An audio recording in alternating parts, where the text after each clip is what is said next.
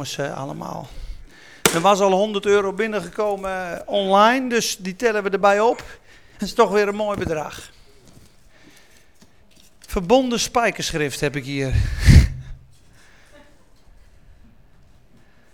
Oh, Galaten 4, vers 28 tot 30. Over erfenis delen. Kun je dat toelichten? Oké, okay, dat snap ik niet. Ja?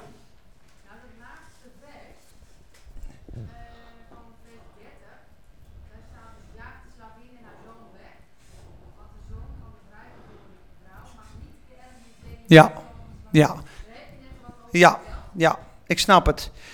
Uh, de vraag is dit voor de band, maar wat zegt de schrift? Drijf de slavin en haar zoon uit, want de zoon van de slavin zal geen zins erven met de zoon van de vrije. Je moet nagaan dat er in uh, Genesis 21:11 staat: Dit was voor Abraham zeer droevig om te doen, want Ismaël was zijn zoon. Dus Abraham die had het heel zwaar ermee. Ik weet nog wel dat ik onder wetticisme zat en dat God tegen mij zei: als je die en die prediker en zijn prediking niet volledig uit je leven bandt, ga je nooit in overwinning en vrijheid komen. En ik zag heel erg tegen die man op, want hij had echt 70, 80 procent van zijn prediking zegende mij. Maar hij zei bepaalde dingen waar ik doodsbenauwd van werd en waar ik echt in gebondenheid van kwam. En het was keer op keer, dan stuurde ik het weer weg en het kwam weer terug. En ik hoorde gewoon dat God zei, of je gooit alles weg, of je komt niet in overwinning. En dat was heel moeilijk voor mij om te doen. Want ik denk, ja, het is toch een broeder, dat is toch een broeder, dat is toch ook een kind van God, dat is toch ook een kind van God. Dus hij is toch oprecht, wie zegt dat ik het goed heb? Het is heel moeilijk. En toen las ik dat. Dit was zeer moeilijk voor Abraham om te doen. Dus, op het moment dat ik dat gedaan heb, weg ermee. Het brengt geen vrede. Ja? Dat is hetzelfde als Ismaël weggestuurd werd. Het is wetticisme. Als er staat, de zoon van de vrije zal niet erven met de zoon van de dienstknecht, betekent als je half wet, half genade leeft, komt er geen erfenis van God. Pure genade is Jezus offer eren met alles in zijn volheid, is de volle zegen. Galaten 3 vers 9, allen die uit het geloof zijn, worden net zo gezegend als Abraham. Dus door te geloven zit je in de volle zegen. Door te geloven en een stukje te werken, verpest je je zegen. Word je beroofd van de zegen. Galaten 5 vers 4. Christus en de zegen van Christus is, heeft geen effect in je leven, omdat je je best doet om het met God in orde te maken met je gedrag. Maar het is al in orde. Duidelijk? Of uh, mis ik de vraag nu? Ja, maar het is een geestelijk principe. Er zal geen erfenis zijn. Want weet je, er staat ook hier, hè, Abraham had twee zonen staat. Maar lees maar eens in Genesis wat er staat. God zegt tegen Abraham, neem nu uw zoon, uw enige zoon, die u lief hebt. Maar je hebt er twee. Maar God herkent hem niet. Want hij is geboren naar het vlees. Hij is niet naar de belofte. Dat was niet de erfgenaam. En God heeft zelfs veertien jaar niet gesproken met Abraham, omdat hij zei, we doen, ja, God, eh, er moet toch een erfgenaam komen. Ja, uh, we vrijen niet meer, je baarmoeder is gestorven, uh, pak je slavin maar. Eigen werken. Maar het is een bovennatuurlijke bevruchting in geloof geweest. Dus daarom, de erfenis komt alleen door het geloof uit de belofte. En een hele mooie tekst daarbij is Romeinen 4, vers 14. Want indien zij die uit de wet zijn de belofte zouden ontvangen, dan is het geloof ijdel. Maar God heeft het uit belofte geschonken, opdat uh, de zegen zeker en vast zou zijn. Uit het geloof door de genade. Dus door Jezus zitten we in de volle zegen. Amen.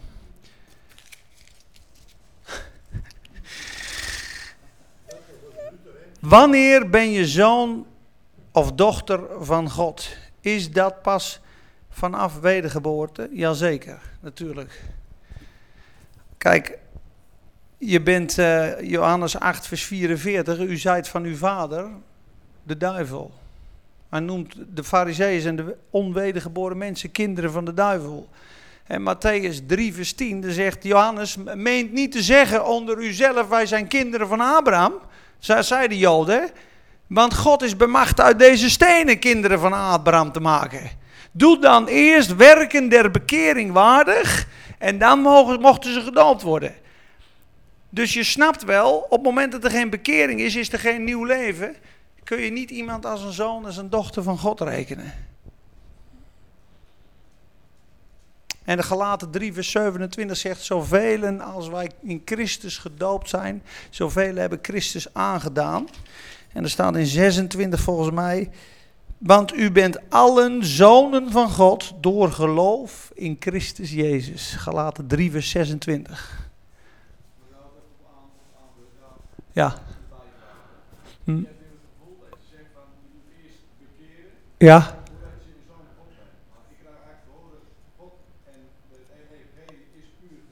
Uh -huh. Maar je moet eerst wat doen voordat je kind mag zijn. Ja. Terwijl eigenlijk iedereen is uit genade zijn zoon of zijn dochter geworden. Ja, maar. Oké. Okay.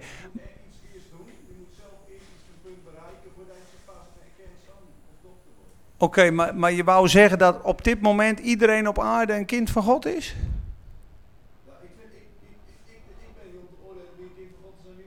Nee. nee, maar de Bijbel zegt Efeze 2, vers 3. Hè, want jullie waren allemaal van nature kinderen des toorns. Met andere woorden, na de zondeval is Satan in ons komen wonen en zijn we in vervallen staat gekomen. Romeinen 5 zegt, we waren vijanden van God. En we zijn verzoend door het bloed van het lam. Alleen, Jezus heeft voor iedereen betaald en de uitnodiging is, kom tot de Vader, komt, want alle dingen zijn nu gereed. Maar indien iemand het offer afwijst of zich niet bekeert of zich niet overgeeft aan die genade, dan zult gij sterven in uw zonde. En dan krijg je Johannes 3, vers 36, dat is een heel duidelijke tekst.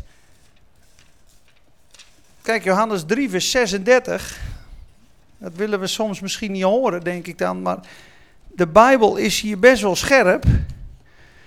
Wie in de zoon gelooft, heeft eeuwig leven. Maar wie de zoon ongehoorzaam is, zal het leven niet zien, maar de toren van God blijft op hem. Zie je dat Gods oordeel over de zonden van de hele wereld is op hun daden, is toorn? Hij wil hen redden, hij wil hen barmhartig zijn. Hij strekt zijn hand uit, hij doet alles om ieder mens te redden. Maar in Openbaring 6 zie je dat als de zegels opengaan en zij zijn barmhartigheid afwijzen, afwijzen, afwijzen, dat de toren van het lam op een gegeven moment komt. Hij is voor ze gekruisigd, hij heeft zijn bloed gestort voor hem en zij wijzen hem af. Ik heb geen redder nodig. Ik bekeer me niet dan is de verlossing ligt klaar, maar ze hebben ze het niet aangenomen. En dan staat er in 2 Thessalonicenzen, dan zendt God hun een leugen der dwaling, omdat ze de ongerechtigheid lief gehad hebben en de liefde van de waarheid hebben zij verworpen, waardoor zij behouden hadden kunnen worden. Maar ze hebben een welbehagen gehad in ongerechtigheid. Daarom wil de Heer hen oordelen. Op een gegeven moment is het ook klaar. Romeinen 2, vers 4. De, de goede tierenheid van God leidt u tot bekering. Dus God geeft genade, God geeft bekering. Maar daarna staat er, u, u hoopt als een schat, hoopt u toren op in de dag des oordeels. Met iemand, met iemand die gewoon zijn schouders ophaalt naar God en zegt, ik hoef God niet, ik doe het zelf. Zo'n persoon kan God niet redden, Christian. Want anders zou er ook niemand verloren gaan. Hè? Dan zou de hel ook leeg zijn. Want Jezus heeft betaald voor de zonde van de hele wereld. Dan krijg je algehele verzoeningsleer. Iedereen komt er. Poetin komt er, Obama komt er, iedereen met zonde komt er, moordenaars komt er, Hitler komt er. Want het is allemaal betaald. Maar dan zouden we ons ook niet hoeven te bekeren. Dan zouden we ook geen, geen evangelieprediking meer op aarde hebben.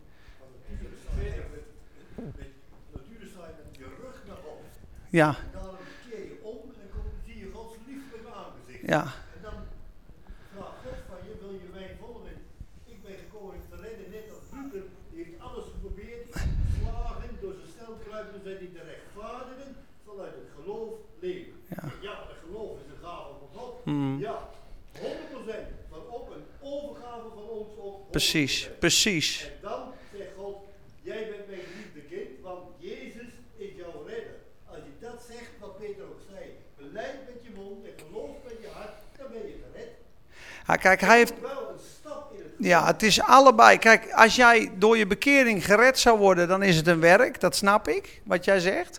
Maar God kan niemand. eh, eh, kan niet het verbond en de vergeving effectueren als er geen beleidenis en bekering is. Indien wij onze zonde beleiden, hij is getrouw en rechtvaardig. Waarom staat dat er? Getrouw en rechtvaardig. Trouw aan zijn werk, aan het kruis. Trouw aan zijn zoon. En rechtvaardig dat hij ons de zonde vergeeft. Met andere woorden, God verbindt zich. Op het moment dat iemand zegt, Heer, vergeef mijn misdaden. Red mijn ziel. Dan zegt God, er is voor jou betaald. Ik ben rechtvaardig en trouw. Niet ik ben barmhartig en misschien. Snap je? Maar er, zonder de beleidenis en zonder de bekering kan de Satan niet verslagen worden. We moeten uit de macht van de Satan komen, van het duister naar het licht. Ja,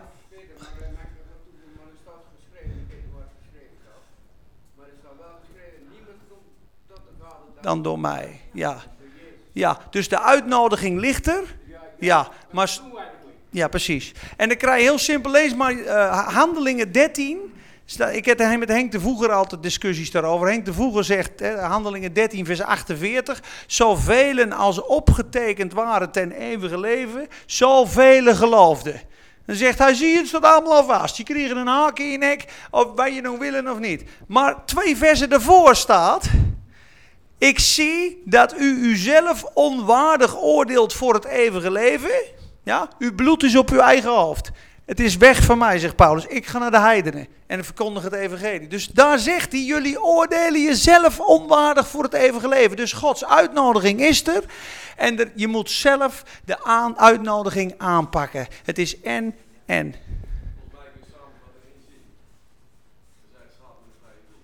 Precies.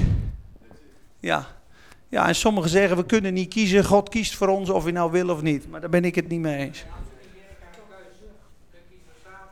Amen. Janneke. Ja, 1 gelaten, nee, gelaten 1 vers 15. Ja. Maar toen besloot God, die mij al voor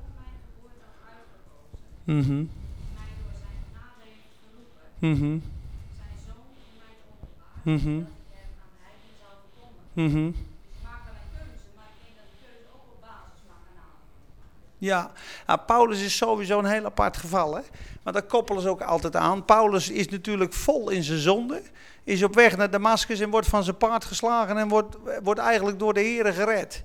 Dat is een heel uniek geval. Ik vind niet dat je daar de algehele eh, bekering op kan zetten. Dat iedereen zo'n Paulusbekering eh meemaakt. Want bij de Kamerling zegt hij natuurlijk, hij predikte hem Christus. En hij zei, hé, hey, daar is water, mag ik gedoopt worden? Toen zei hij, mag dat? Toen zei hij, nou, indien gij van ganser harte gelooft, is het geoorloofd. Dus daar zie je dat hij moet geloven. De moordenaars aan het kruis, eentje zegt, Heere, gedenk mij. Die andere blijft spotten.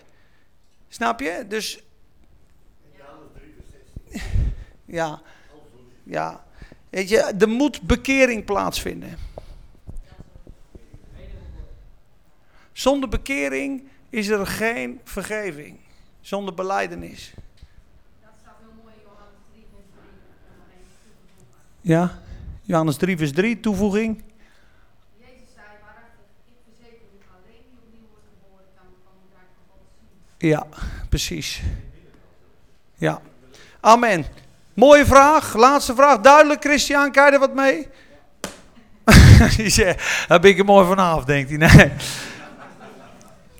Kan jij als leraar in uitleven wat er met 6.6 wordt bedoeld? In 3.28 staat tot drie keer toe daarbij. Waarbij? Wat wordt met gal- 6 vers 5 bedoeld als ik het maar goed doe? Oké. Dat zijn... Ja, ik snap je. Ik hoor je vriend. Drie vragen. Nee, nee, nee, nee joh. Iedereen mag gaan. Eh, nee, 6 vers 6. Oh ja, ieder zal zijn eigen pak dragen. En laat hij die in het woord wordt onderwezen, hem die onderwijst van alle goede dingen meedelen. Nou, dat is heel duidelijk. Daar heb ik van de week nog een grapje over gemaakt met mijn vrouw, want die staat in één vertaling. De, de leraars onder u eh, moeten meedelen in alle goede materiële dingen die hun toehoorders hebben. Ik denk, nou, als ik daar een beetje gebruik van kan maken, dan kan ik nog wel eh, een paar ritjes in een Mercedes en een, boot, eh, een boottochtje maken. Maar eh, nee, ik denk dat je vers 5 bedoelt. Ehm, ja, 5 en 6.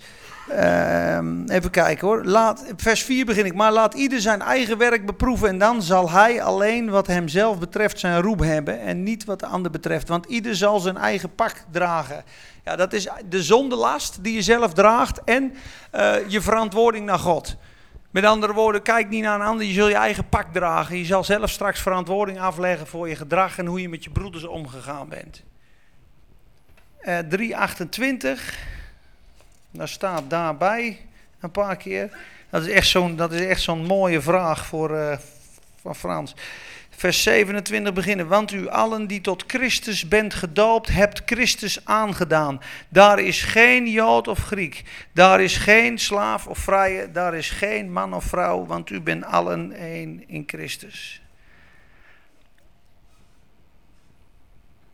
Waarbij? Ja, dat, dat is gewoon. eh, ja, dat, ja. Ik denk niet dat dat iets, iets extra's betekent. Want dat zegt gewoon in Christus is nog man, nog vrouw, nog Jood, nog Griek, nog barbaar, nog bar. Alles is één in Christus. Met andere woorden, dat daarbij, dat, dat mag ook een komma zijn. Ja, dus er staat, daarbij is het niet van belang dat men Jood is of Griek, daarbij is het niet van belang dat men slaaf of vrij is, daarbij is het niet van belang dat men man is of vrouw, maar allen met u één in Christus. Maar Ja. daar maar waarbij inderdaad. Wat wordt bedoeld met daarbij? Ja, maar gewoon, dat gaat gewoon over het onderwerp. Zo van daarbij, dan maakt het niet vooruit of je man of vrouw bent, dan maakt het niet vooruit. Ik bedoel, de vertaling hier is weer anders bij mij, in de telos. Er staat, daar is geen Jood of Griek, daar is geen slavenvrije, daar is geen man of vrouw, in Christus. Snap je? In, in Christus is geen man of vrouw, geen Jood of vrije, geen Griek of... Alles is één in Christus. Dat bedoelt hij te zeggen. We zijn één nieuwe mens. Frank.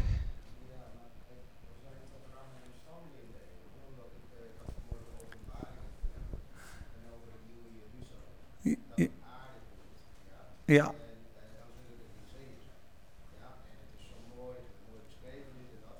Maar wat ik gewoon nieuwsgierig naar ben, is, eh, wie zijn de mensen dan die in het levensboek van het lam staan? Want die mensen die mogen alleen die stad binnengaan. Maar daarbuiten, zijn de honden, de tovenaars, de dieven. die, die leven altijd in het eeuwige. Want we gaan twee keer over. Ja. Ja. Ja. Ik zeg, lees openbaring 21 en 22 maar. Dan, als, je nou, als je het over een zware evangelie hebt, dan wil ik wel mee afsluiten. Dat heb ik van de week gelezen. Dit is, dit is God die preekt hè, vanuit de hemel. Moet je eventjes even een boodschap. Of je, of nou een boodschap van genade wil of een boodschap van bekering.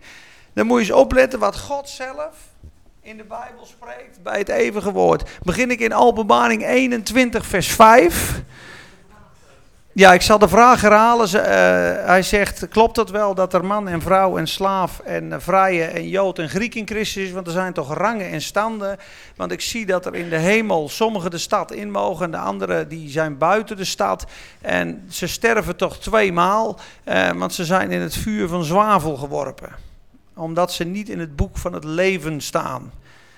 Nou, maar moet je kijken in vers 1, in hoofdstuk 21. Hij die op de troon zat, zei, dus dit is God Almachtig, zie, ik maak alles nieuw. En hij zei tot mij, schrijf, want deze woorden zijn getrouw en waarachtig. En hij zei tot mij, het is volbracht, zij zijn gebeurd. Ik ben de alfa en de omega, het begin en het einde. Ik zal hem die dorst heeft geven uit de bron van het water van het leven om niet. Dat is de genadeboodschap. Ja, kom tot het water. Wie overwint, hè, zal al deze dingen beërven. Dus wie is hij die overwint dan die gelooft dat Jezus de Christus is? Dus wie overwint, wie gelooft en drinkt van het levende water uit genade, zal al deze dingen beërven. Ik zal hem een God zijn en hij zal mij een zoon zijn. Dat is ook weer de vraag van Ewout. Maar moest nagaan wat erachter staat.